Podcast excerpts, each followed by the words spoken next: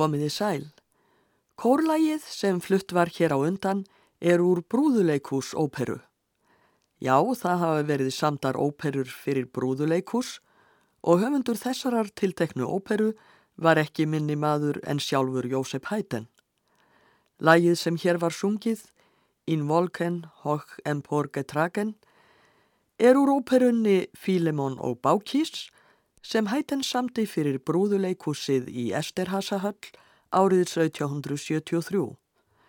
Kórin Vokalfórum Gras söng undir stjórn Frans M. Herzog og Manfred Hús stjórnaði hættin symfóniettunni í Vín. Efni óperunar er sótt í fornrómverskar goðsagnir þar sem sjálfur æðsti guðin Júpiter kemur við sögu enda mátti heyra þrumugni í tónlistinni en þruman var tákn Júpiters. Fyrir kemur að óperur sem ætlaðar eru fyrir venjulegt svið eru síndar í brúðuleikúsi.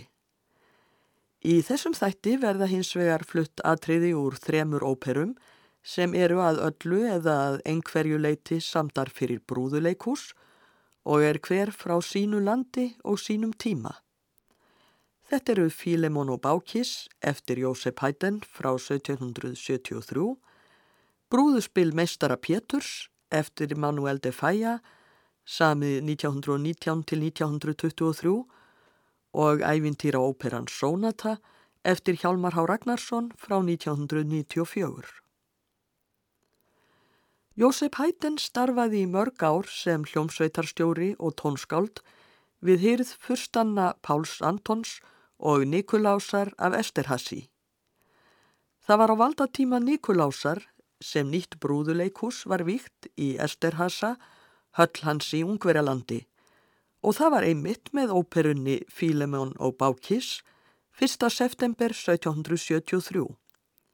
Ekki var lítið um dýrðir því sjálf keisareginjan Marja Teresia var þennan dag í heimsókn í Esterhassa höll og var óperusýningin hluti af sérstakri dagskrá henni til heiðurs. Hæten átti síðar eftir að semja fimm brúðuleikus óperur í viðbót en því miður eigðilöðust þær næri allar í eldsvoða í Esterhassahöll 1779. Fílemón og Bákis er svo eina sem hefur gemst í nokkuð heilagri mynd en þó vantar nokkur atriði inn í hana. Hér verða flutt fáinn af þeim atriðum sem varðveist hafa. Brúðuleikúsið í Esterhasahöll var sérlega glæsilegt og gestur nokkur sem fekk að sjá það árið 1784 segir í lýsingu sinni að það geti talist einstakt. Það sé eins og hellir og skreitt með steinum, kuðungum og sniglum.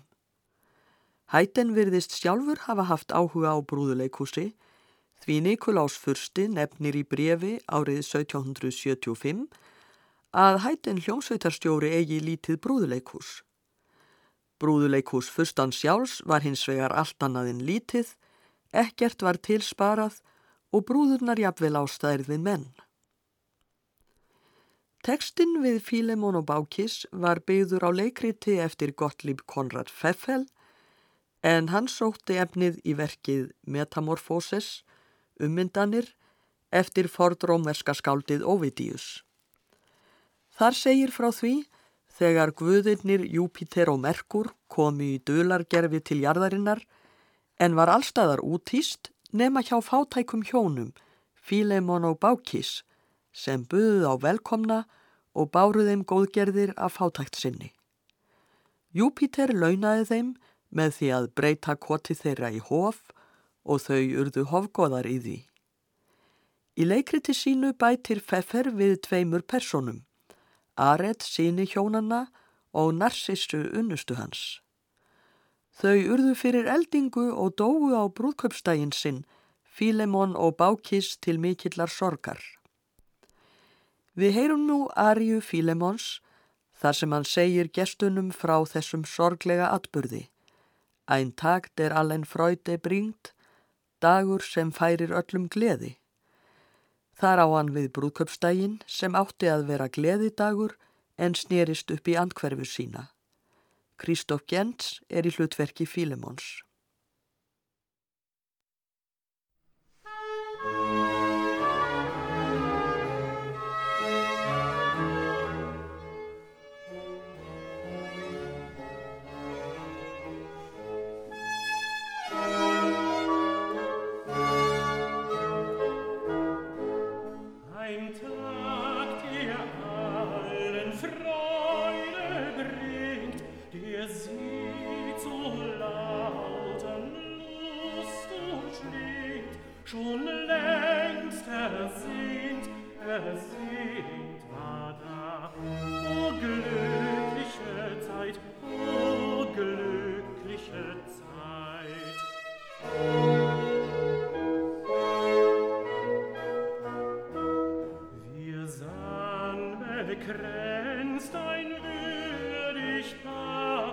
Es ruft mit uns der fragende Schar, was ihr gewünscht, gewünscht ist nah. O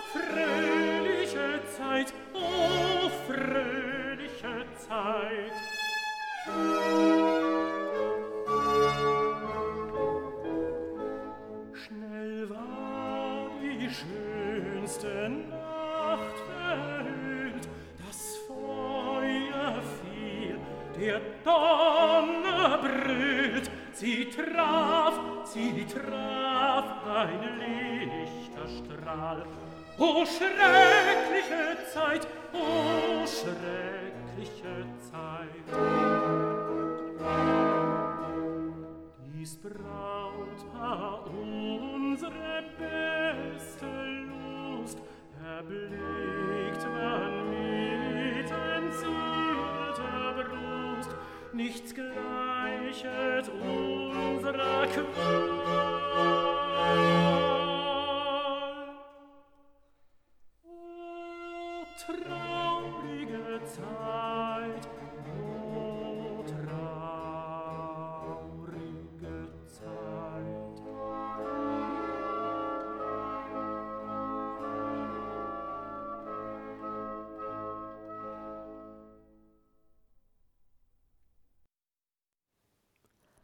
Kristóf Gens söng Ein Tag der allen Freude bringt Arju Fílemons úr brúðuleikúsóperunni Fílemon og Bákis eftir Jósef Hæden.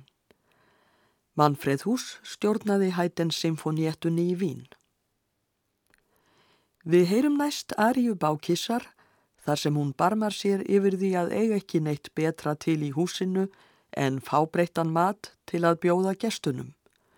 Hún syngur Haut fýlikt er armúr svere, nú finn ég þingsli fátæktarinnar.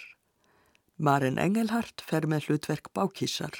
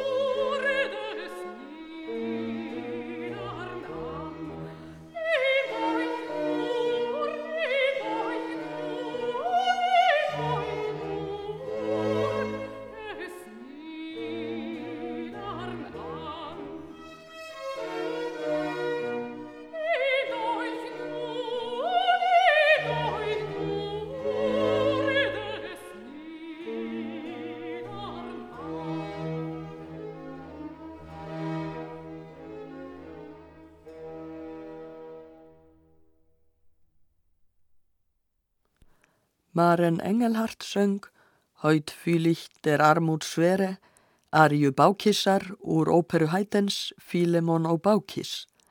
Hætens symfóniettan í Vín leg, Manfred Húst stjórnaði. Gömlu hjónin ætla að slátra gæsinni sinni til að gefa gestunum en Júpiter kemur í vekk fyrir það. Til þess að launa hjónunum gæsku sína og gestrisni reysir hann Aret svon þeirra og Narsissu tengdardóttur þeirra upp frá dauðum. Þar verða fagnar fundir. Hér kemur duett elskendanna þar sem þau gleðjast yfir því að sjá hvort annað á ný. End flón í snúrder slummer, nú er horfin blundur af brá. Jan Petrika syngur Aret en Alexandra Rænprekt Narsissu.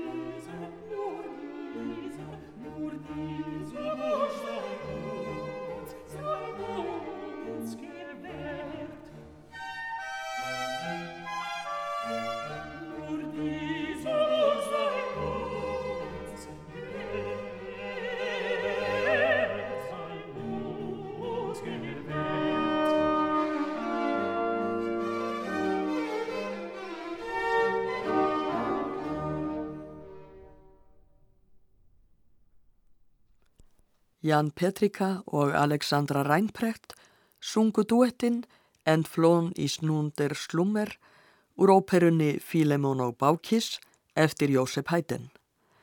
Það var eins og fyrr Manfred Hús sem stjórnaði Hætten sinfoníettun í Vín. Þá verða atriðin ekki fleiri úr þessari brúðuleikus óperu Hættens.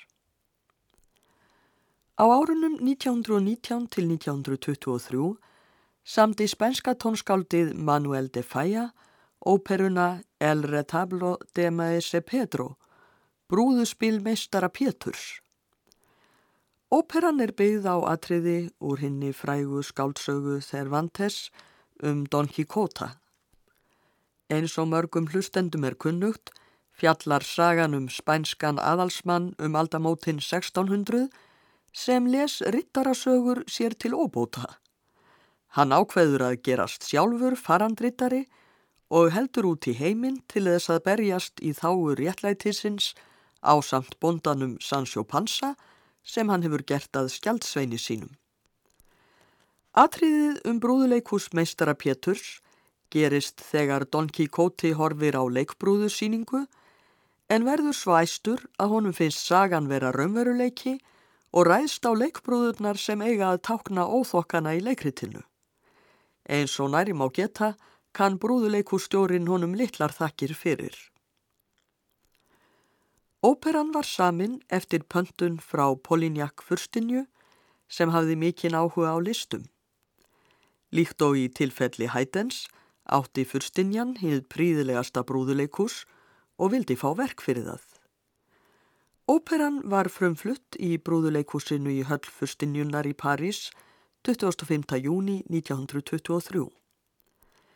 Aðeins þrjú sönghlutverk eru í óperunni, Mestari Pétur, Drengur sem kynir leikritið og Don Quixote, en einnig sérst fleira fólk sem er að horfa á brúðursýningu Mestara Péturs. Stórar brúður eru látnar takna fólkið, en litlar brúður eru leikbrúðurnar í síningunni. Þær tjá sig aðeins með látbræði. Við heyrum nú síðasta hluta óperunnar. Brúðursýningin er í fullum gangi. Hún fjallar um hinn að fáru Melisendru sem hefur verið tekinn til fanga af márum. Þegar hér er komið sögu, byrtist unnusti hennar, hinn hugrekki Don Gaiferos sem er komin til að bjarga henni. Þau flýja á gæðingi Gaiferosar á harðastökki. Drengurinn útskýrir þetta allt saman og segir síðan að Marsilius, kongur Máranna, verði æfa reyður og láti ringja klukkum í öllum moskum borgarinnar til þess að gera viðvart um flóttan. Don Quixote gerir aðtugasemd við þetta og segir að Márar hafi alls ekki klukkur í moskum sínum. Meistari Pétur bendir honum á að hann megi ekki krefjast ofmikils rönnsægis í leikriti. Don Quixote róast og horfir áhuga fullur á síninguna. Drengurinn heldur áfram að segja frá og lýsir því hvernig márar koma þeysandi á hestum sínum á eftir elskandunum til þess að taka Melisendru aftur til fanga. Don Quixote gleymir sér í ákafanum, hann ríkur á fætur og heggur márabrúðurnar í sundur með sverði sínu hverja á eftir annari. Meistari Pétur rýfur hársitt og skegg og kveinar yfir eðilögðum brúðum sínum en Don Quixote stærir sig af sigrinum, ávarpar Don Gaiferos og Melisendru og tilkynir þeim að það sé hinn hrausti rittari Don Quixote sem hafi bjargað lífið þeirra. Nú geti allir séð hver hlutverk farandrittara sé göfugt. Juan Martín, drengjasópran, er í hlutverki drengsins. Tenorsöngvarinn Juan Cabero fer með hlutverk meistara Péturs en Iñaki Fresan syngur Don Quixota. Kammersveit Ljúre leikusins í Barcelona leikur en Josep Pons stjórnar. Við hlýðum á síðustu atriði óperunnar Brúðuspils meistara Péturs eftir Manuel de Falla.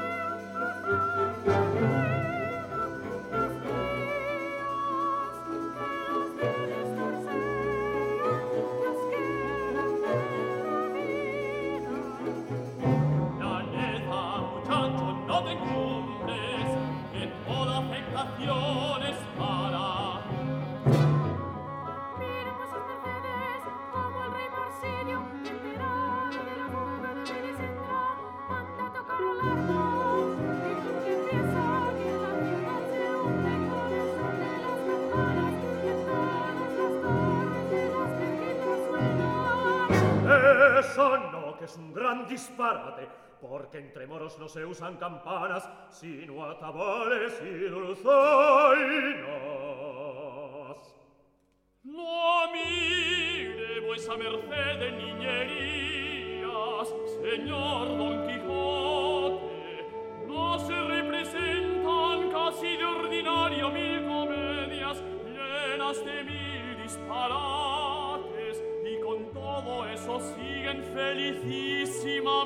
su carrera gli astas escuchan con admiración así es la verdad. Prosigue muchacho.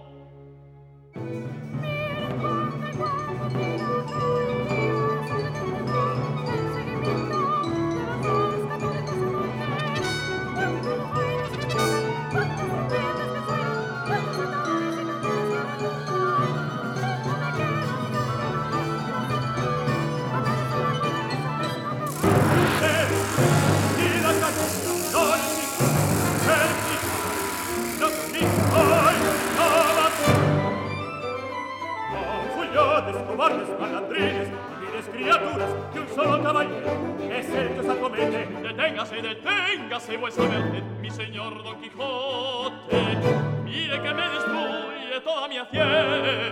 Obellaco, villano, malvirado, atrevido, desjuguado, desgraciado de mí. Y vosotros, valemos su y fe.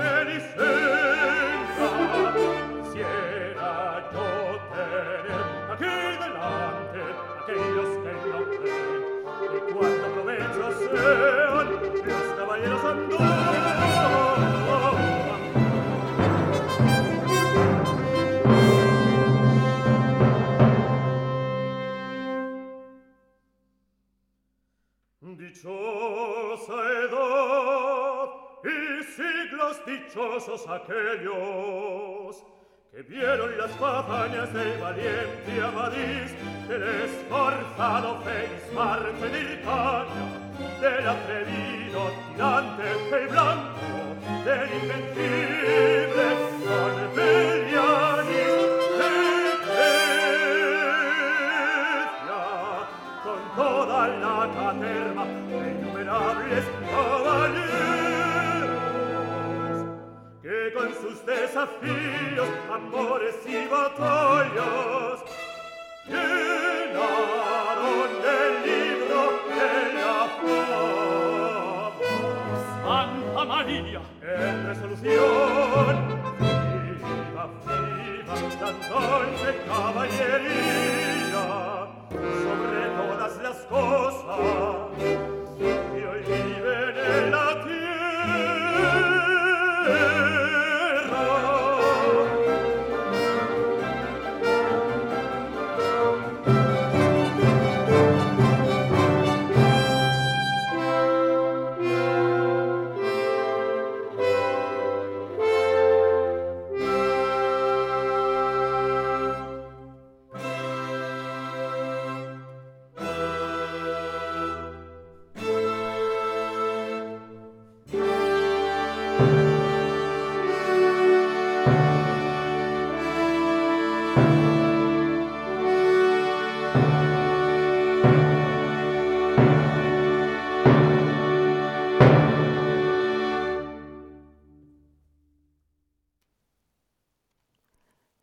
var fluttur síðasti hluti brúðuspils meistara Péturs, El Retablo de Maese Pedro, brúðuleikus óperu eftir Manuel de Falla sem byggðir á sögu Miguels de Cervantes um Don Quixota. Juan Martín var í hlutverki drengsins, Juan Cabero söng meistara Pétur og Iñaki Fresan Don Quixota. Kammersveit Ljúri leikusins í Barcelona leik undir stjórn Jósefs Pons. Síðasta óperan sem hér verður tekin fyrir er ævintýra óperan Sónata eftir Hjálmar H. Ragnarsson en hún er að nokkru leiti samin fyrir leikbrúður. Reyndar er sá munur á Sónatu og hinum óperunum sem hér hafa komið við sögu að Haydn og De Falla sömdu brúðuleikus óperur fyrir fullorna en ópera Hjálmars er ekki síst ætluð börnum. Hún var frumflutt í íslensku óperunni á vegum Strengjaleikusins árið 1994 og gefin út á geislaplötu árið síðar. Söngvararnir eru aðeins tveir, Marta Guðrún Haldósdóttir Sópran og Sverrir Guðjónsson kontratenor en fara með mörg hlutverk og kemur sér þá vel að Sverrir getur breytt rött sinni og sungið með baritónrött þegar við á. Hljóðfæraleikarar eru einnig tveir, Kolbeitt Bjarnason flautuleikari og Guðrún Óskarsdóttir sembaleikari. Messiana Tómasdóttir samdi tekstan og leikstýrði einnig óperunni. Þar segir frá Sónutu, prinsessunni í landi hinna tíu tungla. Þorparinn Ansans ári breytir Sónutu í tuskubrúðu og engin skilur hvað af prinsessunni hefur orðið. Drengurinn Trompet sem tjáir sig engum með flautuleik skoðar brúðuna og heyrir hann að syngja. Við heyrum nú söng Sónutu, hún syngur á furðumáli og í hlutverki hennar er Marta Guðrún Haldósdóttir.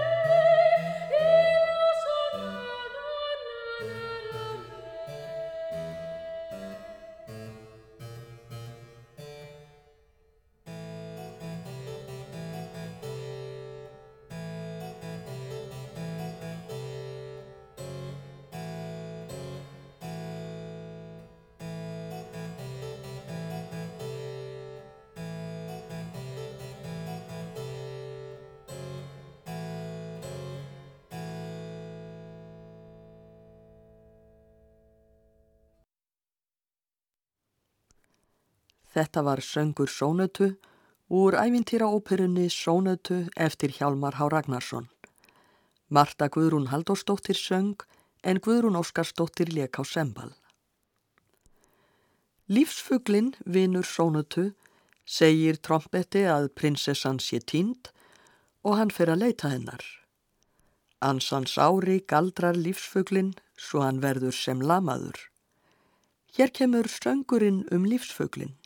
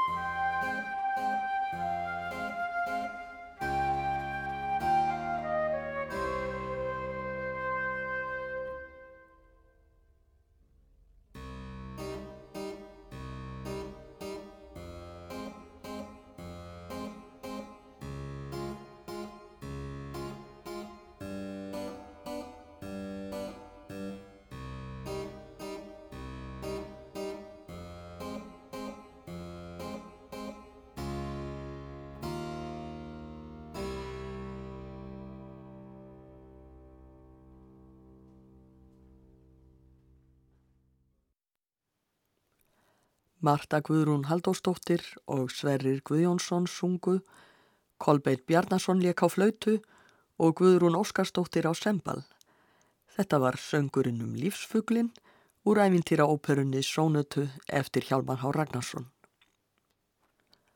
Trompett lendir í ýmsum æfintýrum í leitsinni að Sónötu prinsessu, meðal annars hittir hann logadrekan og spilar fyrir hann á flautuna sína.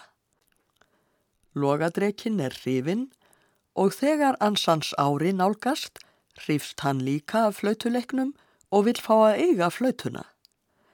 Hér kemur tríó, trompets, ansans ára og logadrekans. Ansans ári talar með sérkennilegum hljóðum og logadrekin talar stundum fyrðum á líka. Ut með eil hlaun, njöleik njö. Sjá, við bara okkur skemmta. Upt, njö, njö, geigur þeir klaupun. Jóngin, ekkert fýblast en þessi strákur, hann bara, bara, bara, bara, svo, svo, svo, svo, svo, svo, svo, skemmtilegur. Njö, nögt, njö, göyt, njö, pröfun, slimp. Þinn prívat dreki, nononbong, tröfnir þinn vinur, skilur, hann minn vinur. Mjöl, mjöl, göð, görði, görði Þitt privatsvæði, nannandong Við ekki vera þínu svæði Nei, pröfut, görði, görði Nei, pröfut, görði, görði, görði Allt í lagi, allt í lagi, allt í lagi, allt í lagi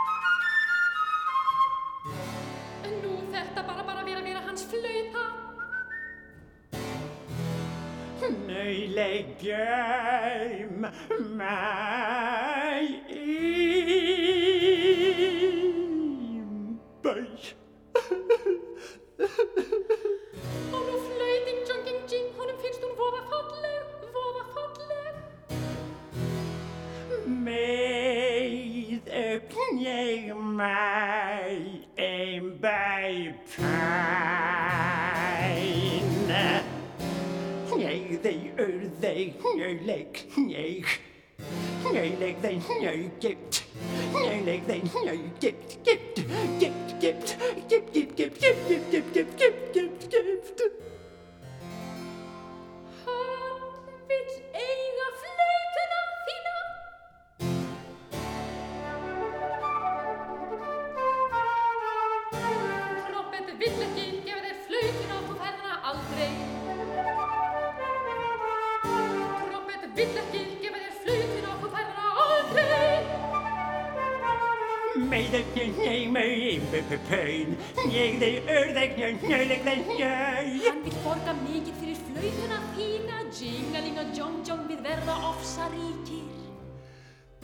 pum pum pum giddy boo slay slay slay. Pum pum pum giddy boo slay slay slay. Pum pum pum giddy boo. Pum pum pum giddy boo.